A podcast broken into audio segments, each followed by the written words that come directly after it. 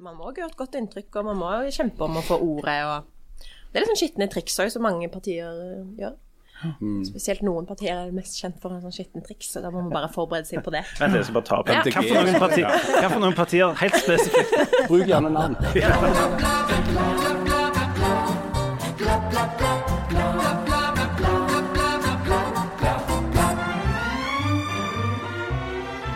Miljøpartiet De Grønne er jo verdens letteste parti å forstå seg på. Miljøet skal bestemme, og ferdig med det.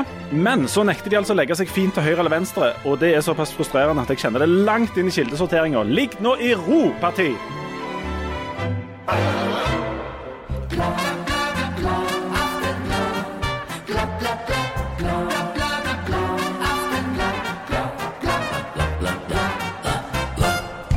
Velkommen til Aftenbladet. I sommer har vi besøk av toppkandidatene til stortingsvalget til høsten. Og i dag er det altså Ulrikke Torgersen ifra MDG. Og du har tenkt å gjøre det kunststykket å bli den yngste stortingsrepresentant for Rogaland noensinne. Og det har du tenkt å gjøre på et program der hovedpoenget er å legge ned Rogaland, altså alt det vi lever av, nemlig olje og gass. Hjertelig Lykke til. velkommen. Ja, hjertelig velkommen. Tusen takk. Vi er jo ikke helt enig i det premisset, da. Jeg går jo til valg på å redde klimaet fra katastrofale klimaendringer, men, eh, men eh, du kan godt eh, ta Frp sitt parti der og male, male oss i det hjørnet der. Men vi vi er jo enig i det premisset, da. Men, ja. jeg, Men det, men det er vel òg fylkespartiet ditt, for du er faktisk uenig med ditt eget fylkesparti. For Rogaland MDG vil ikke legge ned oljenæringen innen 2035, men det vil du. De vil legge ned oljenæringen, men det er bare spørsmål om vi skal nevne tallet i programmet eller ikke. Men nå må de stille seg bak det, så nå er de enige med oss eh, andre i landet. Ja, Så nå skal dere altså legge ned eh, oljenæringa innen 2035. Da er det ikke noe galt med premisset i spørsmålet da? Vi skal legge ned oljenæringen innen 2035. Premisset er om det kommer til å ødelegge for velferdsstaten, som du innlader med. At du Ja, men- kommer til å legge ned fylket. Det er jo noe annet. Ja, ja fylkeskommunen, fylkeskommunen vil nok bestå. Men, men Ja. altså, olje og gass er jo altså de viktigste inntektene som Norge har hatt noensinne, som har gjort eh, oss til verdens rikeste land, og så gjør at vi har et enormt oljefond. Hvis en skal f.eks. legge ned olje- og gassnæringen, hva er det da vi skal leve av? Vi skal leve av alle mulige andre næringer. Vi skal bli et vanlig skandinavisk land som skal leve av skatteinntektene for folk som jobber. Og så er det ikke sånn at vi lever av oljen, vi lever av avkastningen for oljefondet. Så er det sånn at um, oljefondet kan investere i olje og gass, og det kan investere i miljø.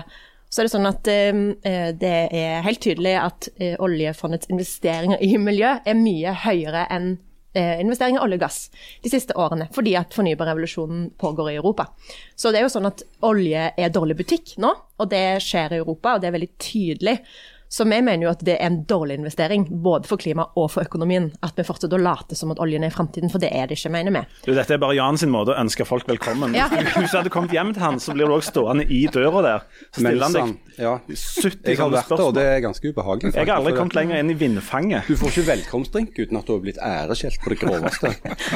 Altså, Det må ikke bli for koselig. Er Da er det kjedelig. Ja, det Men jeg tenkte jeg skulle bare arrestere Jan på en grov faktafeil. Han sa at vi har aldri tjent så mye penger på noen ting som på olje og gass. Det er feil. F.eks. I middelalderen så tjente vi per innbygger mer på tømmer og fisk. Ok, men da har vi jo en løsning. Ja, Tømmer og fisk er jo faktisk to ting som vi kan leve av. Tilbake til middelalderen. Jeg vet Det er ikke. så galt med middelalderen. Han var litt mørk. Det var han ikke. Det er òg et rykte. Du, Miljøpartiet De Grønne, er det et litt mørkt parti? Nei, det er et veldig jeg si, fremtidsretta parti. Eh, eh, nå blir jeg veldig politiker når jeg sier det, da, men vi mener jo at ved vår politikk så har man en fremtid å glede seg til, i motsetning til hvis man har en fremtid med klimaendringer. Som jeg mener ganske mange av de andre partiene legger opp til, når de fortsetter å satse på det som skaper klimaendringer, som er olje og gass. Mm. Dette er jo veldig positivt å høre, Janne. sant? Du jo, har jo et ambivalent forhold til framtida fordi at du stort sett ikke tror han kommer. Tror du skal dø absolutt hele tida. Men, men eh, Men da er jo MDG partiet for deg. Ja. Ja, det, det tenker jeg òg at det er. Eh, fordi eh, eh, Men jeg, jeg, jeg, MDG er jo ikke et parti som, som letter angsten min. Det er det jo ikke.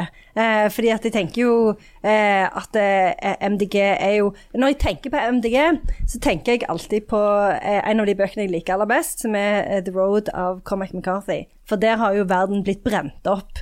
Og det er jo Det er en, det er en skikkelig sånn kosebok. For det, Ja, ja. Ja, for En det- lystige, lyse bok. Ja, for det som skjer eh, når verden brenner opp, det er jo at eh, folk viser seg å være eh, kannibaler som går sammen i bander for å spise hverandre eh, og liksom holde hverandre fanget i kjelleren, sånn de kan bruke andre det- folk som mat. Og Det er sånn. tilbake til den hobbesianske Ja, faktisk. herregud, Det er, litt det er den litt som å handle cola på, Men du, på det, det er jo dette Men hva er poenget?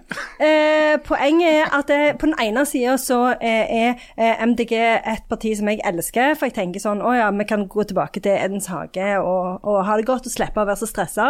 Eh, på den andre sida så er jeg livredd for at MDG bare er et varsel om den her eh, verden som står i flammer. Da. Men, men det er jo det er Det er jo begge deler. det er vel det dere Ulrikke, det er vel det dere prøver å hindre? At vi alle blir kannibaler fordi noen har satt fyr på hver? Ja, det er jo nettopp det. Så Absolutt. Det det, det, det, partiet... MDG bærer flammen. Men, men det er fordi at de er veldig skeptiske til dette med kjøtt, så du kan ikke ete folk, for det er kjøtt. Det er velkommen til Saltsynet. Egentlig kan Oi. vi bruke den boka som mal for resten av Ja, samtalen, tror jeg. Are we the good guys?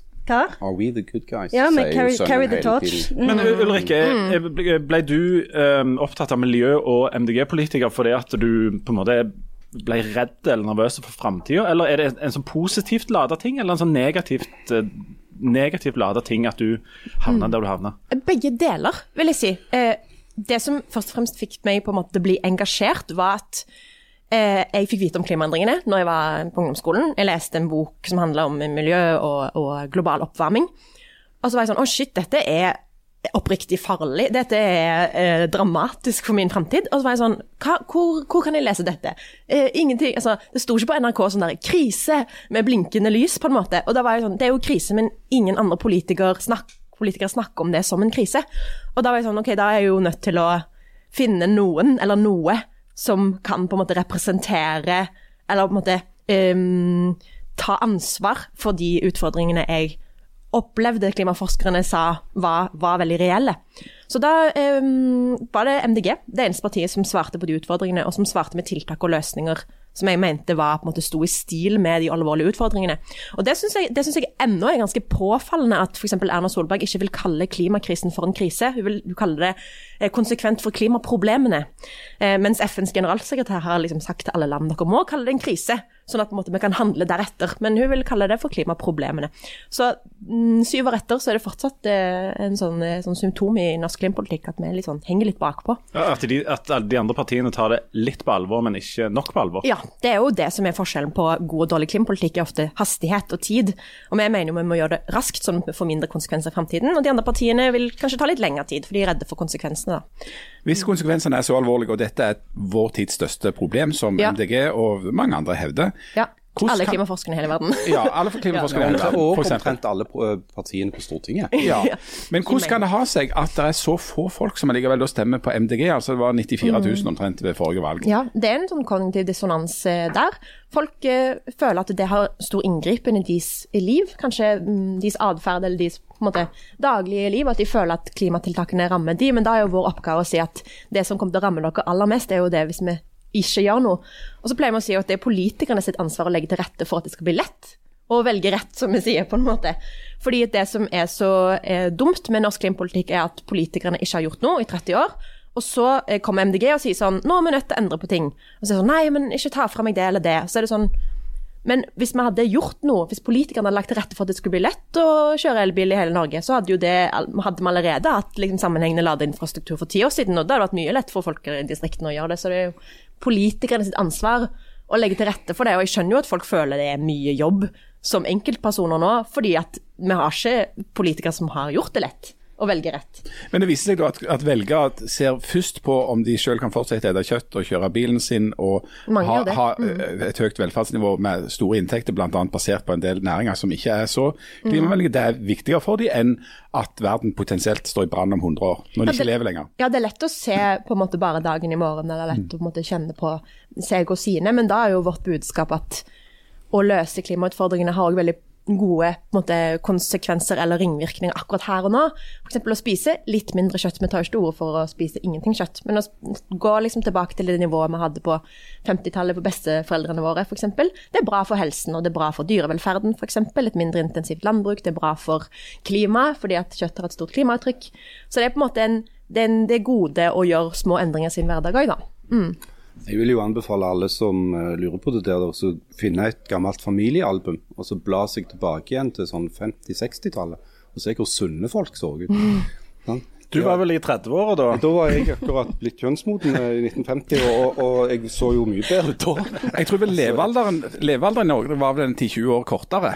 Jo, men de var litt sånn, de så bra ut. Ja, De så bra ut og var veldig sunne helt til de plutselig døde veldig Ja, det tidlig. bare bak- bikte de over pga. overarbeid og sånn. Men jeg, skulle, jeg kom på en ting når du snakket, og det var det der med altså Det er jo noen som sier at det er ekstremt vanskelig å få noen til å skifte mening. Hvis det at de skifter mening innebærer at de taper penger. Ja. Eh, og det er jo gjerne den store utfordringen som, som du og MDG og, og for så vidt en del andre partier òg, som, som predikerer eh, radikale endringer. For det er jo det vi snakker om. Har når du skal gå i, Ro i Rogaland til alle disse her oljefolka som sitter der og har en millioninntekt, og gi de beskjed om at du burde gjort noe annet. Eh, det er liksom en litt sånn retoriske oppoverbakke, Ja. det der. Absolutt. Uh, Men har du liksom Har du altså, oppdaget noen triks? Altså En måte du kan argumentere for en fyr som er ingeniør i Exxon, og så tjener halvannen million og har to biler, hytte og båt, om at uh, det er noe annet han eller hun kunne gjort.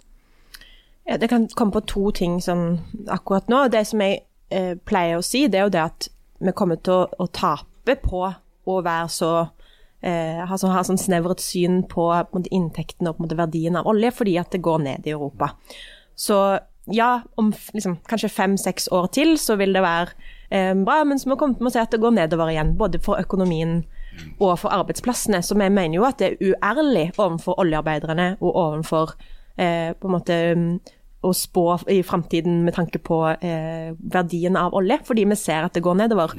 Og der er Norge, som jeg sa litt i stad, henger Norge litt etter i mentaliteten rundt på en måte verdien av olje og gass, men i Rogaland henger man enda lenger etter. Fordi man, det er på en måte en sånn veldig integrert del av på en måte vår livsstil, at oljen skal være der. Men nå går jo Europa vekk fra olje, men tjener mer på fornybar energi i Europa enn man gjør på olje og gass og kull.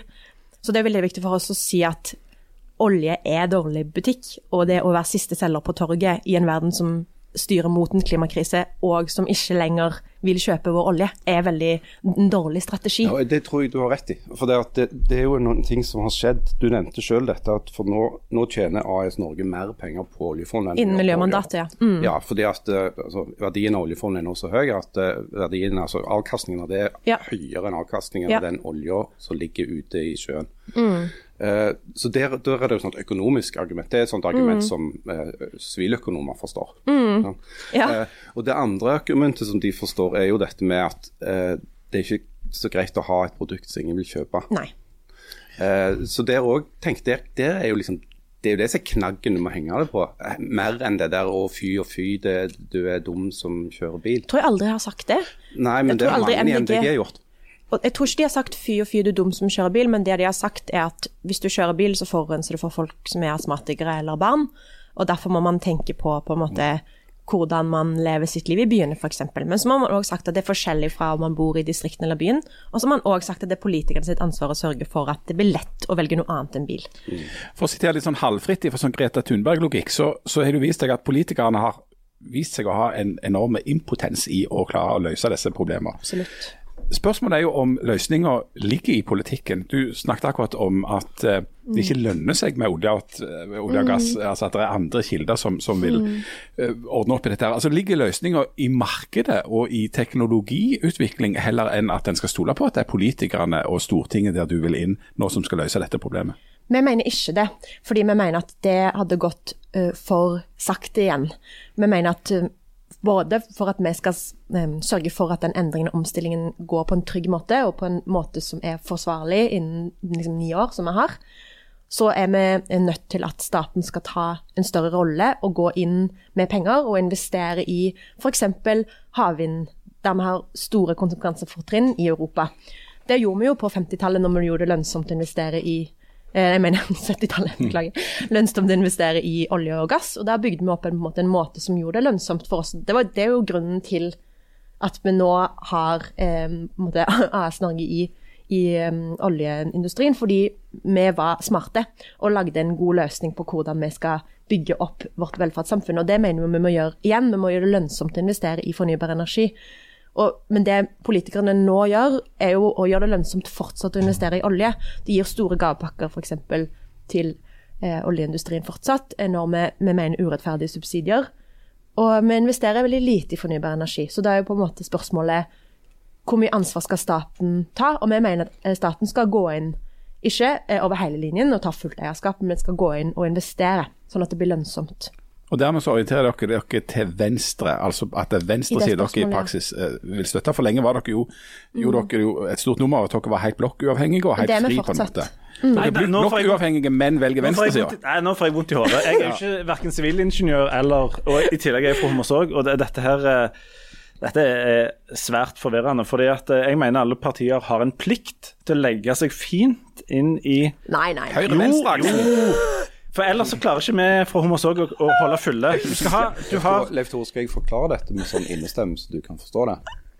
Du kan gi det et forsøk. Jeg eh, setter alle pengene mine på at du ikke klarer det. Enten så kommer man til å forstå det, eller så kommer man til å sovne. Se at f.eks. du er et parti som heter MDG. Som er Jeg følger deg så langt. Kjenner meg igjen. kjenner som er ganske lite, sant? Og, og så ønsker at, eh, å få mer uttelling politisk. Ja.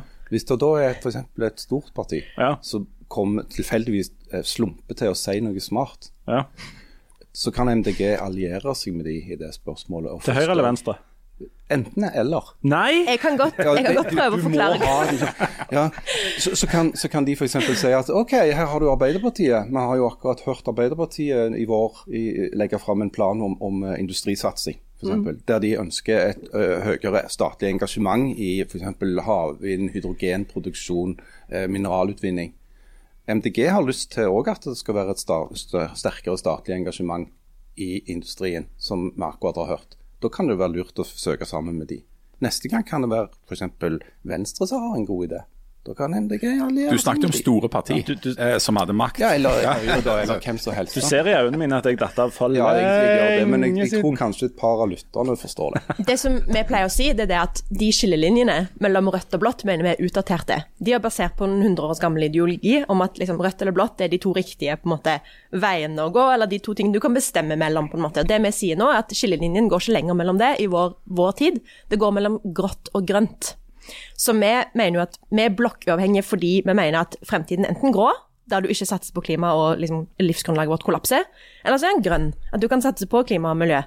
Og de gamle ideologiene på en måte for høyre eller venstre de er ikke like på en måte viktige lenger over vår tids største kamp som de kanskje var for 100 år siden. Og Derfor vi mener at vi identifiserer oss ikke med den måten å tenke politikk på. Så når vi eh, sier at vi er blokkuavhengige, så er det egentlig fordi at vi setter klima og miljø aller, aller først. Men har dere noensinne støtta noe Frp og Høyre har gått inn for? Oi, For det er da dere er blokkuavhengige? Ja, jeg tror vi har eh, samarbeida i noen kommuner med Frp. Det tror jeg vi gjør. Mm, I noen spørsmål. Mm. Så det er jo sånn at så lenge vi får gjennomslag for vår politikk, det sier jo alle partier, så kan man samarbeide med de som eh, setter klima og miljø f.eks. aller høyest, og det gjør jo vi. Og med å sette klima og miljø aller høyest, så setter jo vi egentlig det vi lever av aller høyest.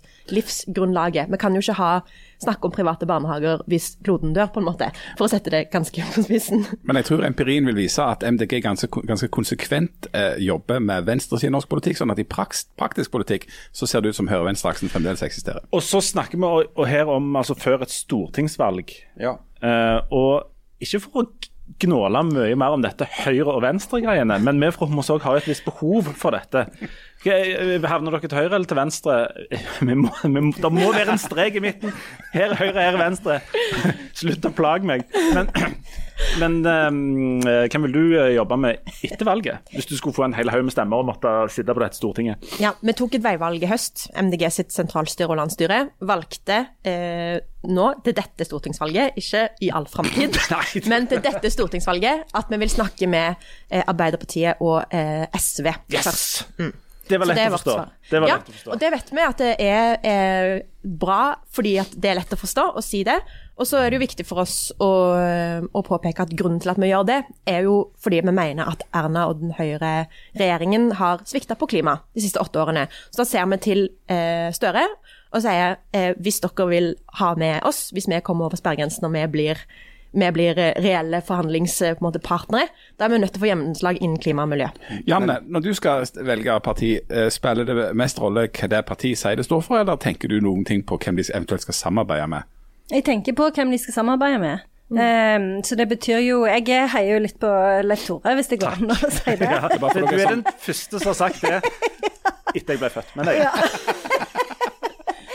Eh, fordi at eh, jeg eh, tenker jo litt sånn eh, eh, For jeg har jo en tendens til å stemme på eh, et lite parti. I motvind. ja.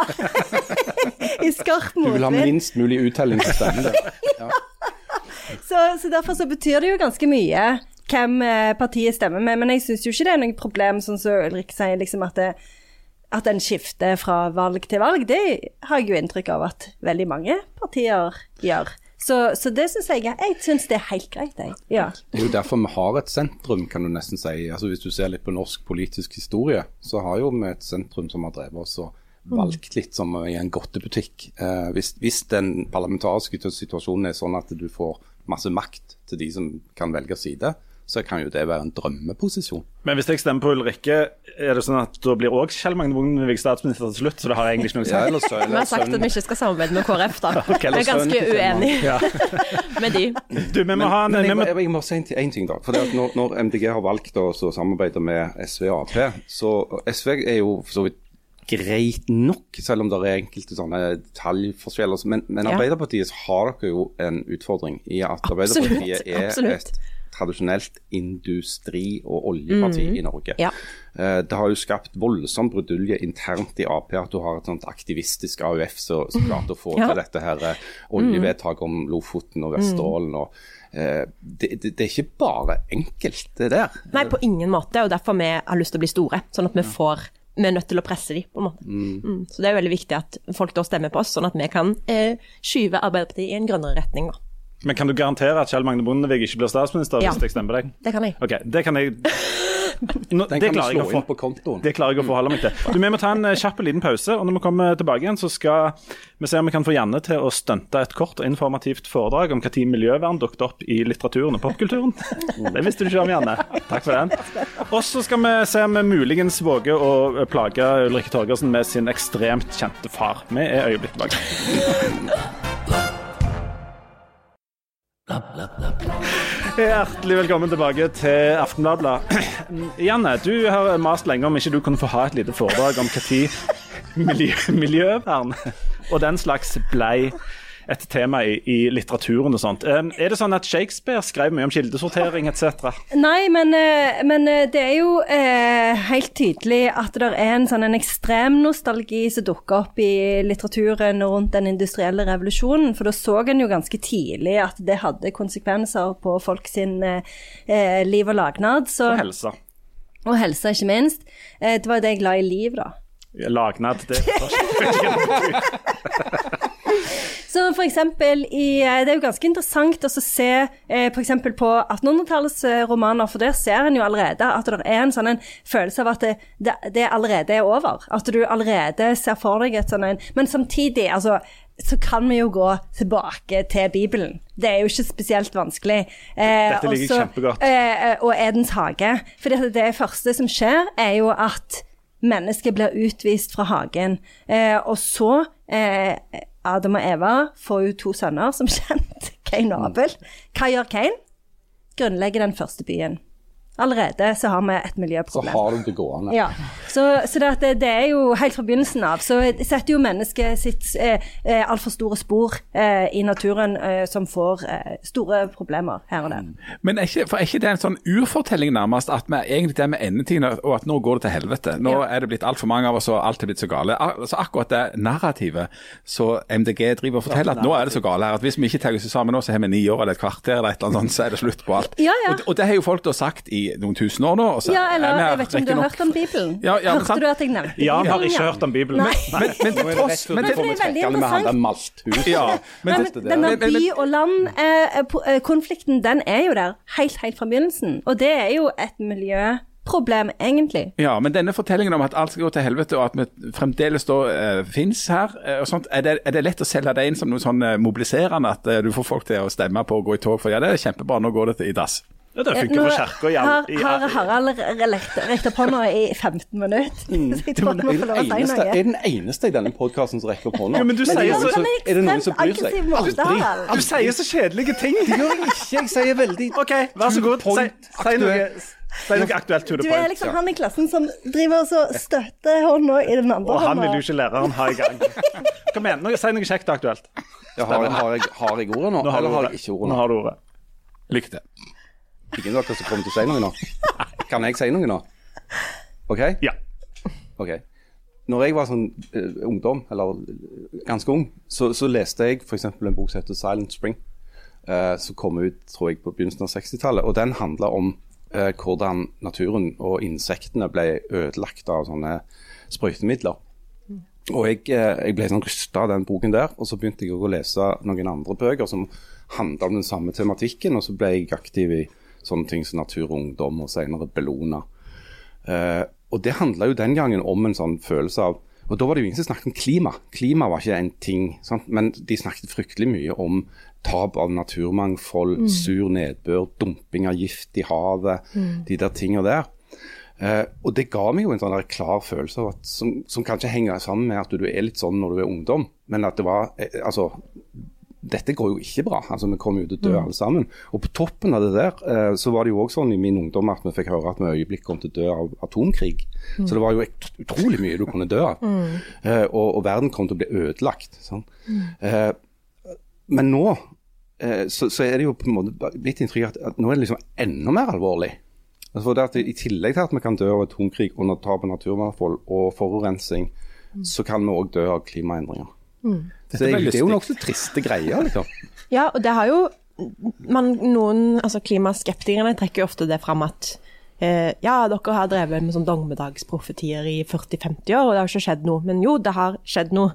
Det er mer ekstremvær over hele verden, og mer klimaflyktninger f.eks. Ja, og, Og arter dør jo i et alarmerende tempo. Ja. Og da, det er vårt poeng da, er jo det at klimaendringene forsterker tap natur. Altså de henger sammen. Naturkrise, vi har en naturkrise òg, og klimakrisen henger sammen. Så ved å ta klimakrisen på alvor, så eh, klarer vi å redde mer natur, f.eks. Og ved å ta naturkrisen på alvor, så eh, kan vi på en måte potensielt bidra til mobilisering i klimakrisen. For naturkrisen er kanskje litt lettere, som du sier, å forholde seg til. Man ser liksom at eh, gruveavfall blir dumpa i fjorder, og syns det er liksom forkastelig. Man ser at eh, folk klipper plenene sine, og det er ikke noe blomster igjen, på en måte. Mens klimakrisen kan bli litt sånn diffust, hva handler egentlig det om? Og da er det veldig viktig for oss, tror jeg, som politikere å klare å, em, klare å mobilisere på en annen måte, sånn at det blir på en måte reelt for folk, da. Um, og det, det ser jeg på en måte litt Men på er det ikke et problem at folk er så oppgave. forbaska teite, da? Altså, jeg, jeg har Snakk tenkt for deg sjøl. Jeg sitter her. Nei, Jeg sitter ja. Jo, men altså, du må forholde deg til sånne folk som som Leif Tore, ikke sant? som ikke skjønner dette her i det hele tatt. Uh, og, og jeg tenkte på det for ikke så lenge siden når jeg prøvde å, å finne ut hva jeg egentlig syns om disse her vindmøllene, eller vindturbinene som de setter opp. Ok, Så er det noen som prøver å løse dette problemet da, med å sette opp vind. Så er jo galt, liksom. Alt er jo gale. Ikke det engang er liksom godt nok. Problemet med den vindmølledebatten eller saken er jo det at man har, man har satt opp vindmøller i natur som er sårbar. Eh, og det er jo det som er problemet. Så vi mener jo at det er ikke, spørsmålet er ikke om vi skal ha vindmøller, men hvor de skal stå. Og de skal ikke stå i natur som er sårbar, da. Ja, og Så skal vindmøllene gå til å lage en, eh, elektrisitet, sånn at de kan uh, fyre opp eh, oljeplattformene med strøm istedenfor gass. gass. Så man må ha gode løsninger, men ikke drive med grønnvasking, som det har blitt et veldig sånn kjent ord. Man må ha løsninger, og det er et problem. Veldig mange land og politikere som driver med såkalte klimatiltak, og så får mye skryt eller driver og snakker om det i festtalene sine. Men om det faktisk bidrar til å kutte utslipp, er, et stort spørsmål, og det er ofte nei. Eh, Det er jo sånn at Vi har jo en person iblant oss som faktisk har hovedfag i sammenlignende politikk. Å, herregud. Ja, men det regner jeg med at folk egentlig har tenkt i løpet av samtalen her nå. Ja. At folk har tenkt seg fram til det sjøl. Jeg tenker de her bør det sammenlignes noe politikk. Men eh, hvis du tar denne MDG-politikken som jeg fremdeles ikke har fått lov å, liksom tjore til gulvet mellom høyre og venstre em, eh, MDG starter jo òg som et slags type ensaksparti. Som vi ofte tenker ikke vi har så mange av, men vi har jo vitterlig eksempel. Ja, du skal få lov, skal få lov å krangle på det etterpå. Men starten er miljø. altså så, Litt sånn som Frp en gang ble starta som et parti for hva var det, sterk nedsettelse av offentlige Offentlige skatter og avgifter. avgifter. Um, hvor, eh, hvor lett eller vanskelig er det å få et sånt et parti til å vare evig? Det kommer jo an på saken. Sånn at hvis du f.eks. starter et parti eh, som handler om bompenger, eh, så viste det seg at det hadde relativt kort levetid. For det, hadde, det hang sammen med at de akkurat drev satt opp noen bommer akkurat da.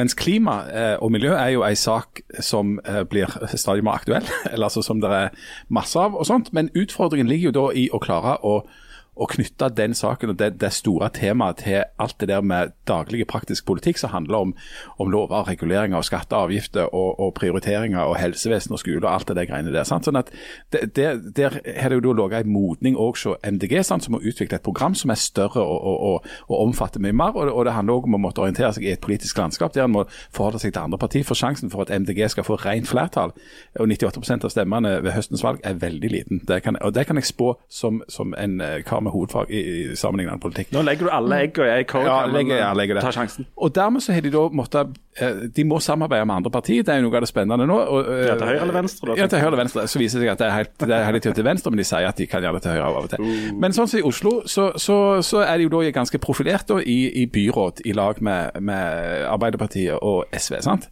Eh, og Rødt Nei, jo, nei ikke støtteparti. Rett støtteparti, mm. sant? Ja. Men, men eh, også så ser vi nå hvordan det òg da går. At, eh, men, men altså, det handler om en modning av et parti fra å komme fra én sak til å både få en bredere politikk, men også en, en bredere orientering i hvordan du skal få ting til som handler om å skape allianser og flertall. Er det, Miljøet skal ligge i bånn for alt. Ja, og det gjør du jo. Det, gjør, det er ikke bare noe vi mener, det gjør du jo. Vi ja. lever jo av jorden, på en måte. Ja, kloden. Men, men, men, hva mener. For å ta et litt enkelt spørsmål. Hva mener dere, dere da om alt? Hva, hva, hva er, vil dere, bortsett fra miljøsaken, hva er liksom argumentene for å stemme på MDG? Ja, livsgrunnlaget vårt er jo grunnlag for all politikk. Så vi mener jo at førsteprioriteten må være å ta vare på livsgrunnlaget vårt. Det handler om mat, matsikkerhet, et godt landbruk, det handler om klima, altså at vi ikke får klimaendringer og flyktninger. og det, Vi vet jo at klimaendringer bidrar til krig og konflikt, f.eks. Det bidrar til at flere må flykte fra hjemmene sine, det bidrar til dårlig helse. Eh, så miljø er jo både veldig lokalt, det handler om luftforurensning, det handler om eh, om man Altså hvordan man beveger seg i et samfunn, på en måte. Eh, så jeg tenker at miljø handler om alt. Eller alt er miljø. Mm. Fordi at har man god luft, har man, eh, altså har man god helse, har man eh, eh, mindre krig og konflikt, så har man jo bedre samfunn.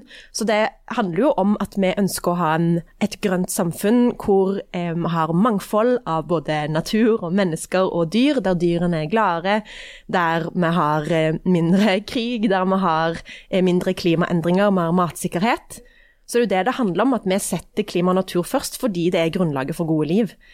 Og det å sette det i andre og tredje rekke mener jeg kan bli litt snevert, fordi at vi rett og slett ikke har noe annet enn kloden å leve av.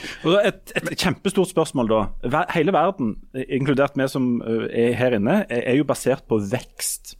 Vi snakker alltid om vekst. Lønnsvekst, vekst i økonomien. Altså En av krisene under koronaen har jo vært at det ikke har vært vekst. Og Da ble jo alle helt sånn kjempenervøse. Det må være vekst. Og Det innebærer vel at vi må gjøre mer, bruke mer, reise mer og sånt. Er det sånn at MDG eh, mener at vi skal slutte med vekst? Skal jeg bli fattigere? Skal, skal jeg gjerne få mindre lønn? Gud forby. Det spørs hva du mener som, det spørs hva du definerer som fattig, da. Jeg mener jo at man kan være rik på eh, opplevelser og rik på eh, ha et godt liv, selv om man ikke liksom akkurat øker liksom, reallønnsveksten. da.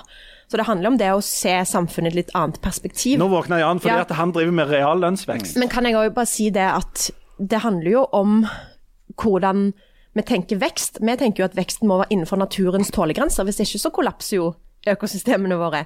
Så vekst innenfor det naturen tåler, er det vi tar til orde for. da. Så Jan, ingen vekst. Men her hører du da en annen type politisk parti, for dette det er veldig sånn idealistisk basert. og Det er snakk om sånne verdier som, som er, kan være noe annet enn det du har i lommeboka. eller det, altså, altså, En annen måte å definere velferd og vekst og livskvalitet, og, og, og livskvalitet på. sant? Mm. Men da krasjer de jo ganske bastant med mye av det som er helt avgjørende for hvordan folk stemmer og velger parti, som handler om økonomi. Altså har du jobb? Eh, eh, får du lønnsøkning? Eh, får du kjøpt biff i, i, i butikken? Får du kjørt rundt med bilen din? Altså Det er masse sånne helt sånne konkrete, praktiske ting som kolliderer i den der idealismen som, som MDG holder på med, og som jeg nok tror for enkelte kan virke litt sånn livsfjernt og, og naivt. Og som kan være en veldig sånn velferdsgreie. Er når du, når du er kjemperik, så kan du, så kan du være sånn ja, jeg skal, jeg skal begynne å spise med asparges, liksom. Men, men for veldig mange folk rundt omkring i Norge som kjører dieselbil, og som uh, liker godt kjøtt, uh, og, og som vil ha mer lønn, eh, så, så kolliderer dette. her. Nå er det snakk om altså, lønnsvekst for de som er rike fra før. Det handler jo ikke om for eksempel at en sykepleier skal få mindre i lønn, og du, du kan bare ha livskvalitet, du. Det handler jo ikke om det. Eh, Det handler om det at vi har store forskjeller i samfunnet, og vi ser at det å få, hvis du er rik og får litt mindre penger, så er det ikke nødvendigvis Du blir ikke eh, mer eh, for dårlig livskvalitet av det. Du får kanskje bedre livskvalitet, for du får mer tid til familien, mer tid til kulturopplevelser, mer tid til andre ting som er liksom materielle goder som sådan. Jeg føler den var til deg, Janne.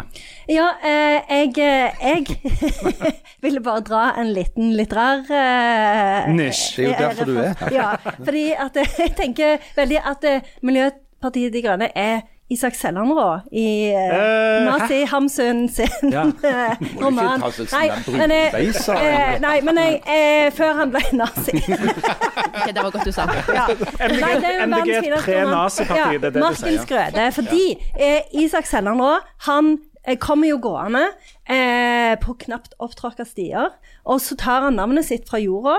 Og han er jo ikke Han er jo en jordens mann, men han hater jo ikke han hater jo ikke industri, han hater jo ikke teknologi, men han bruker det sånn at det fungerer i eh, balanse med Ja, naturen. Ja, med naturen. Så, eh, og, og der har du jo noen sånne Kane-Abel-aktige barn som drar til byen og blir altfor opptatt av å kjøpe seg nye spaserstokker og sånne ting. Og vi skjønner jo med en gang at det er ikke veien å gå. Det er ikke det at du skal liksom ha det kjipt, eller at du ikke skal liksom eh, nyte livet eller eh, være lykkelig, men, men alt må skje på balansert vis. Og det er på en måte det er det Miljøpartiet De Grønne står for.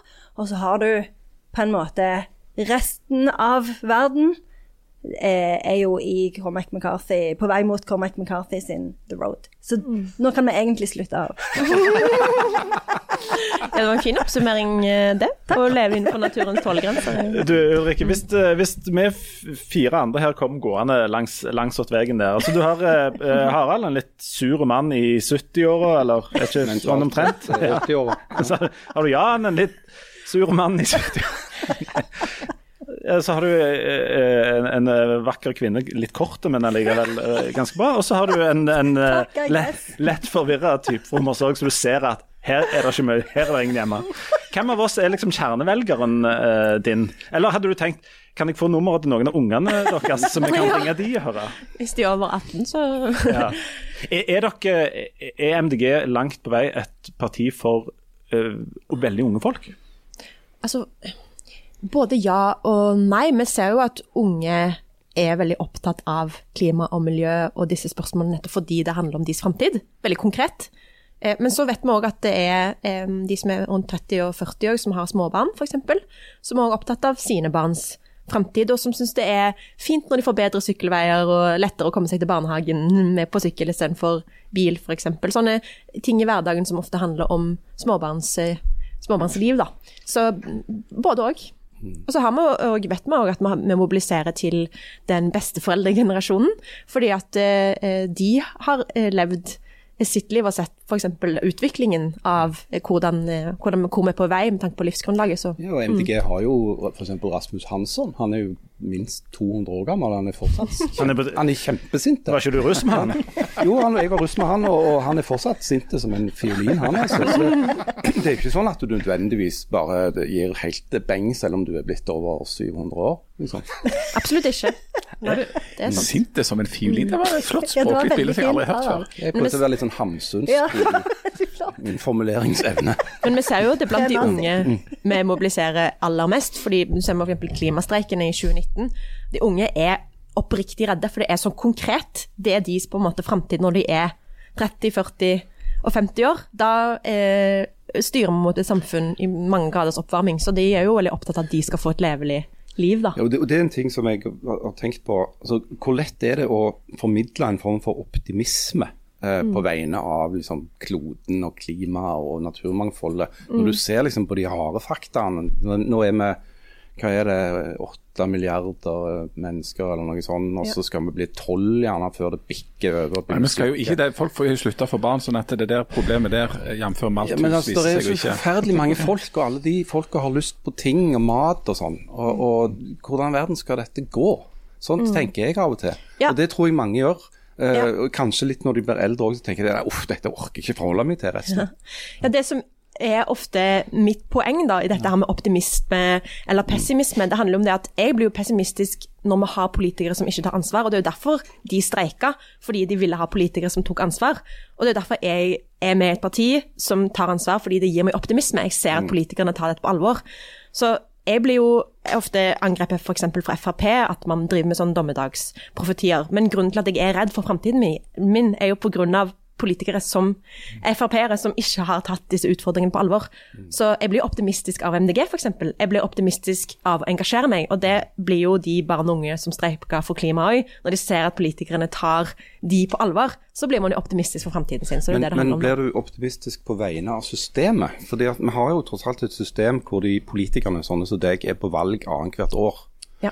Eh, går det an å ta gode, langsiktige valg når du skal bli gjenvalgt hele tiden? Jeg tror det, ja. Men da er man nødt til å eh, tenke på løsninger òg som langsiktige. At man investerer i løsninger som eh, ikke er kortvarige, men der man på en måte får enigheter som kan vare over tid. da. Og så har jeg jo blitt optimistisk av at MDG har vært i posisjon i flere byer og vi har fått til ting. Det har gjort meg optimistisk.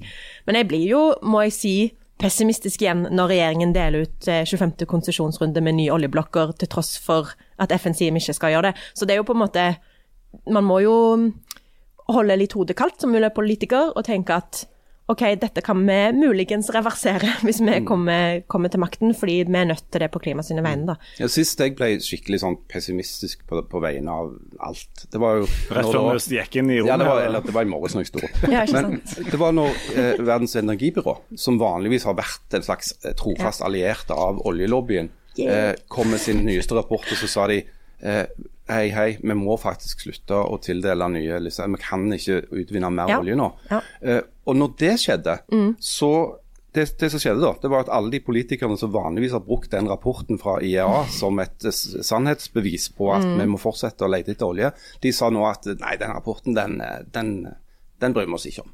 Ja, de la den i Hvordan går det an å være optimist når sånne ting skjer? Nei, man må bare ta til orde for at de politikerne tar feil. Det har jo jeg gjort. Dette er veldig påfallende. Jeg, altså, ofte så er jo eh, frustrasjon gjør jo jeg om til engasjement, fordi jeg er så frustrert over norske politikere som har sittet stille i båten i 30 år. Så det er jo derfor jeg engasjerer meg, fordi det gir meg en grunn til å stå opp om morgenen og kjempe for klima og miljø og naturen. Fordi jeg føler at de, andre politikerne, voksenpolitikerne, for å på en måte gjøre meg litt ung, da, eh, har, har svikta i natur- og klimaspørsmålene. Og når til og med oljelobbyens beste venn sier dette, da blir jo det enda en grunn for meg til å slå i bordet med harde fakta. Og ofte kan folk fremstille at MDG mener ting, men det er jo egentlig, vi baserer jo vår politikk på klimaforskning, på eh, forskning som tilsier at vi er i en verden som er på vei mot flere graders oppvarming. Og da Det er min jobb å si at dette er ikke noe MDG mener i et vakuum eller isolert. Dette er Vi baserer vår politikk på eh, mange, mange tusen rapporter fra klimaforskere. Um, ja, og vi er nødt til å basere politikken vår på det, da. Og ikke på bare meninger om hva vi vil og ikke vil.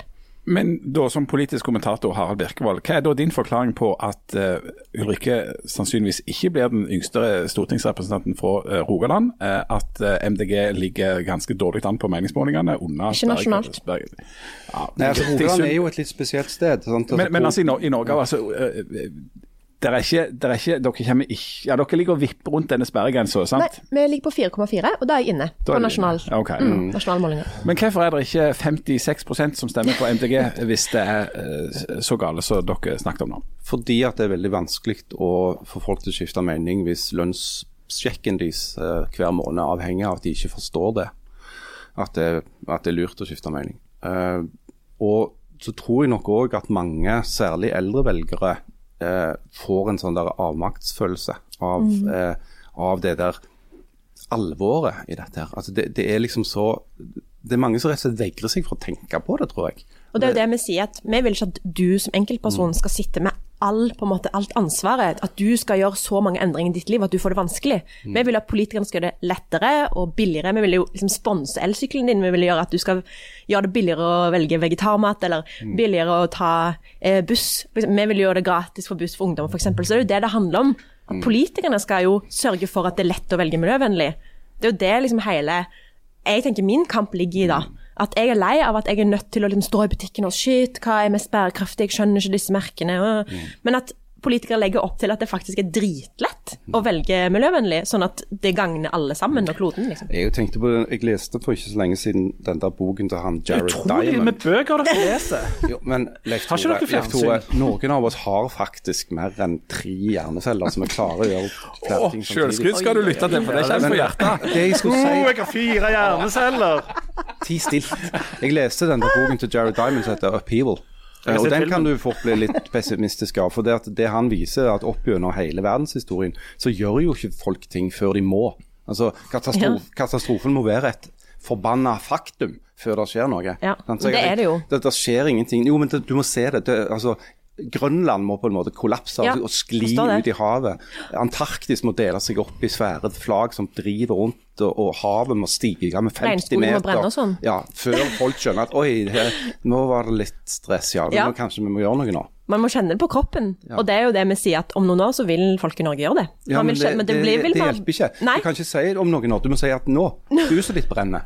Men dette Ja. kjenner de jo tydeligvis voldsomt mye sterkere i Oslo og sånt. For det at, som du Harald Birkevold i vår, eller på forsommeren har skrevet om, så er det jo Oslo som skiller seg ut her. Altså at det er en, en Men det er jo relativt Oslo som gjør opprør mot resten av landet. Ja, nettopp det. sant? Altså at, at, at uh, I Oslo, altså store byer altså, altså hvordan sånn, Dette miljøengasjementet plutselig er voldsomt mye sterkere i, midt i svære urbane landskap fulle av asfalt og sykkelstier. Mm. Ja, da ser man jo veldig konkret at f.eks. natur forsvinner, eller det er så mange biler at folk ikke kan gå ut pga. luftforurensning. Men de som bor i naturen ute i provinsen, det de ikke- ser ikke dette. Det er jo ikke bare Oslo heller. Sånn at nå sitter vi i Stavanger og spiller inn denne podkasten. Og i Stavanger så er MDG i posisjon. De er en del av flertallskonsentrasjonen i Stavanger. Mm. Uh, og Stavanger har f.eks. vedtatt ekstremt ambisiøse klimamål. De Ja. skal kutte utslippene med 80 Mm. eh, De fleste, inkludert meg, tror at det ikke kommer til å gå. Fordi at det er så kort tid igjen, og det har ikke skjedd så mye ennå. Eh, Men det er klart at det, er ikke bare Oslo. altså En del andre byer, det er jo særlig de store, mm. så har jo MDG eh, større tilslutning enn de har på, eh, på, i distriktene, om man kan si det sånn. Absolutt, og det er jo vår jobb òg, å si at distriktene er jo det er jo på en måte det de som kommer til å bli rammet òg, veldig veldig hardt av klimaendringene. F.eks. jordbruket er jo så avhengig av et stabilt vær, f.eks. Og vår oppgave er jo da å si at for å være distriktenes parti, så er man nødt til å ta klimaendringene på alvor. Og der mener jo at Sp svikter, fordi de, vi mener at de ikke har klimatiltak som funker, og de vil på en måte skjerme distriktene for eh, måtte isolere de vekk fra klimakrisen, og det er jo helt umulig, for klimakrisen vil jo ramme spesielt distriktene. Så vi, vi har jo, det sto en sak om det for litt siden, men vi har jo et program som ivaretar f.eks. jordbruket på en helt annen måte, og gir penger til jordbruket på en helt annen måte, både når det kommer til matsikkerhet og sånn. Det blir jo òg et strev etter valget. sant? Absolutt. at, eh, at det går nå sånn de fleste tror, så blir det regjeringsskifte. Da vil Arbeiderpartiet være helt avhengige av Senterpartiets ja. støtte. Og så skal kanskje, hvis eh, vindene blåser den rette veien, så, så går eh, MDG over sperregrensen. Du kommer på tinget. Så skal du sitte og forholde deg til en allianse mellom industrialistene i Arbeiderpartiet og nei-folket i Senterpartiet, og prøve å påvirke det. Hvor lett er det? Nei, det er absolutt ikke lett, og det er derfor vi trenger å bli så store at vi faktisk får påvirkningskraft. Og det er jo det jeg jobber for nå i valgkampen, å sørge for at vi får så høy oppslutning at Arbeiderpartiet og Senterpartiet ikke kan lukke øynene for oss lenger. Og Hvis noen trenger et uh, lite uh, en liten ray of sunshine, eller sunlight, eller hva det heter, og at, at det er håp for alt, så kan dere stille dere opp i Stavanger sentrum, eh, litt ut forbi Stavanger Aftenblad. dere For der kan dere altså se en svært eh, gammel mann, eldre mann, 80 et eller annet, som stiger på en sånn en sparkesykkel. Fordi han har latt dieselbilen stå i et synkehull oppe på Egenes. Så han seg, står han oppe en sånn en sparkesykkel og sykler hjem fordi at det har blitt så lettvint å være miljøvennlige. Ikke sant, Harald? Ja. Ja. Heia. Så det er, meg. der er håp for alle. Heia meg, sier bare jeg. Nei, det, det mener jeg må være eh, det er håp i hengende snøre. Du, og nå, nå, nå er det ekstremt lite tid igjen. og med- eh, Du Ulrikke, når du kom inn her, så sa jo du at du håpte at vi kunne få litt tid til å snakke om faren. Kjell Inge Sting Torgersen.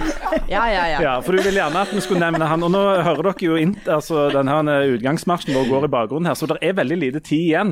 Men er det liksom ditt hemmelige våpen hvis det skulle gå i motbakke, at du kan liksom si at faren min er Kjell Inge Sting Torgersen, eller hvordan, hvordan forholder du deg til det? Nei, Han heier på meg fra sidelinjen, men jeg tror han eh, syns det er fint at jeg, jeg holder på med politikken, når han holder på med Kan du ikke ta han med på liksom stand, og så kan han stå i litt sånn hvit skjorte og synge 'Feet of Gold' eller et eller annet? Jo, han, eh, han har jo sunget på valgvaker, f.eks. Kanskje han vil gjøre det? Ja, kanskje han vil gjøre det i år òg. Det hadde vært hyggelig. Men det Så hvis du hører på ikke lenge, så, så stemmer vi i, da. Eh, ja, nå- Stemme, stemme på meg, mener du? Eller? ja, sånn var det. Ja, sånn. Nei, Harald, Harald har, et veldig, har et ønske om å synge eh, At vi skal gå ut med at han synger en, Sting-sang. Jo, jo, jo. jo, jo. Hvilken har du lyst til å synge, Harald? Roxanne. Nei, men jeg vet ikke om han har den på repertoaret. 'Fields of Gold'. Kom igjen. Nei, kanskje den. Du kan. Men Ulrikke, husker du første gang jeg intervjua deg? Nei. Nei, Der ser du, jeg gjorde ikke så sterkt inntrykk. Nei, var jeg liten da? Du var elleve år. Ja, i forbindelse med Kulturåret i 2008. Ja. Da skulle du nemlig synge, så det var litt upresist det du sa om at han skulle ta seg av musikken. For du har sunget mye sjøl. Det er sant. Du, jeg skal synge i bryllupet til broren min om en uke. Ja, det ser du. det blir gøy. Ja, ja, ja. Hva skal du synge da? Jeg skal synge 'Ikke som de andre' av Sondre Justad. Men hva sang du i 2008? Jeg sang en veldig kort strofe av en sang som jeg tror ble lagd til det arrangementet, på engelsk. da, sånn, eh, Handla om på en måte det å, å, å seile ut i verden og på en måte oppdage nye steder. og Det var, det var en liten kort strofe da jeg sto på en båt og ble Men, men du husker ikke Jan? Eh, nei, jeg husker er at jeg ble husker, det er ingen som husker Jan etter Nei, det var det. deg. Jeg husker at jeg ble intervjua, og at jeg var veldig nervøs, og at jeg bare sa ja og nei, fordi jeg klarte ikke å fortsette å liksom, bygge videre. Det er dårlig intervjuteknikk. det, hvis du bare... Han Nei, men altså, holdt han på sånn da òg, at han bare doserte om den hobisiaske naturtilstanden og sammenlignende politikk og sånn. Det var sikkert det. Jeg ble så redd. Han møtte deg sannsynligvis her. Ja, Ulrikke Torgersen, du er jo bare elleve år og stemmen er på ingen måte utvikla. Og hva har du å si til ditt forsvar her? Og så sa jeg ja. Ja, men sånn intervjuteknisk så syns jeg, eh, jeg, jeg eh, Når jeg fant i arkivet, så viser det seg at svaret består av mer enn ja og nei, sånn at du klarte deg eh, relativt Å, godt der. Og du, og du har blitt bedre i å svare i lange og omfattende setninger nå. Det er hyggelig. Det skal du ha. Du Gleder du deg til, til valget og valgkampen? Og jeg gleder meg så masse, og jeg gleder meg så mye til å snakke med velgere når det nærmer seg mer valg, og folk blir bevisst på at det blir e-valg. Snakke med velgere eh, face to face, ha velgersamtaler, høre hva de er opptatt av.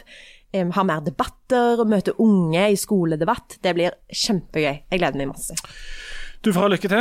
Ja, Tusen lykke takk. Takk Janne. Janne, du er overbevist av denne. Du blir jo overbevist av alle og bestemmer deg når vi går ut for at den skal stemme på. Du er sånn i dag òg, Ja, det stemmer. Det er hyggelig. MDG på meg. Det ble MDG på Janne. Ja. Det er bra. Jeg venter til de har bestemt seg for enten høyre eller venstre. Vi har jo bestemt oss da, til dette Ja, valget. bestemt Dere kunne gjort et brakvalg på Hummers òg, hvis dere bare kunne bestemt dere for om det var høyre eller venstre. Hvor Det vanskelig kan an å det være? ha så tungt for det. Vi har bestemt oss dette stortingsvalget, da. Du kan jo forholde deg til det. Nei, det blir for vanskelig. Det skjønner jeg. OK. Godt valg. Tusen Vi snakkes uh, om ei uke. Ha det godt. Ha det.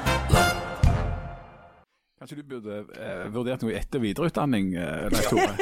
Tatt et lite, ja, tatt et sånn, Du kan jo begynne med kunne du tatt et hovedfag i sammenlignet politikk eller Jeg noe? kan ikke ta noe hovedfag noe som helst. Det var jo noen i avisen som hadde tatt, tok eh, hovedfag samtidig med barnet sitt.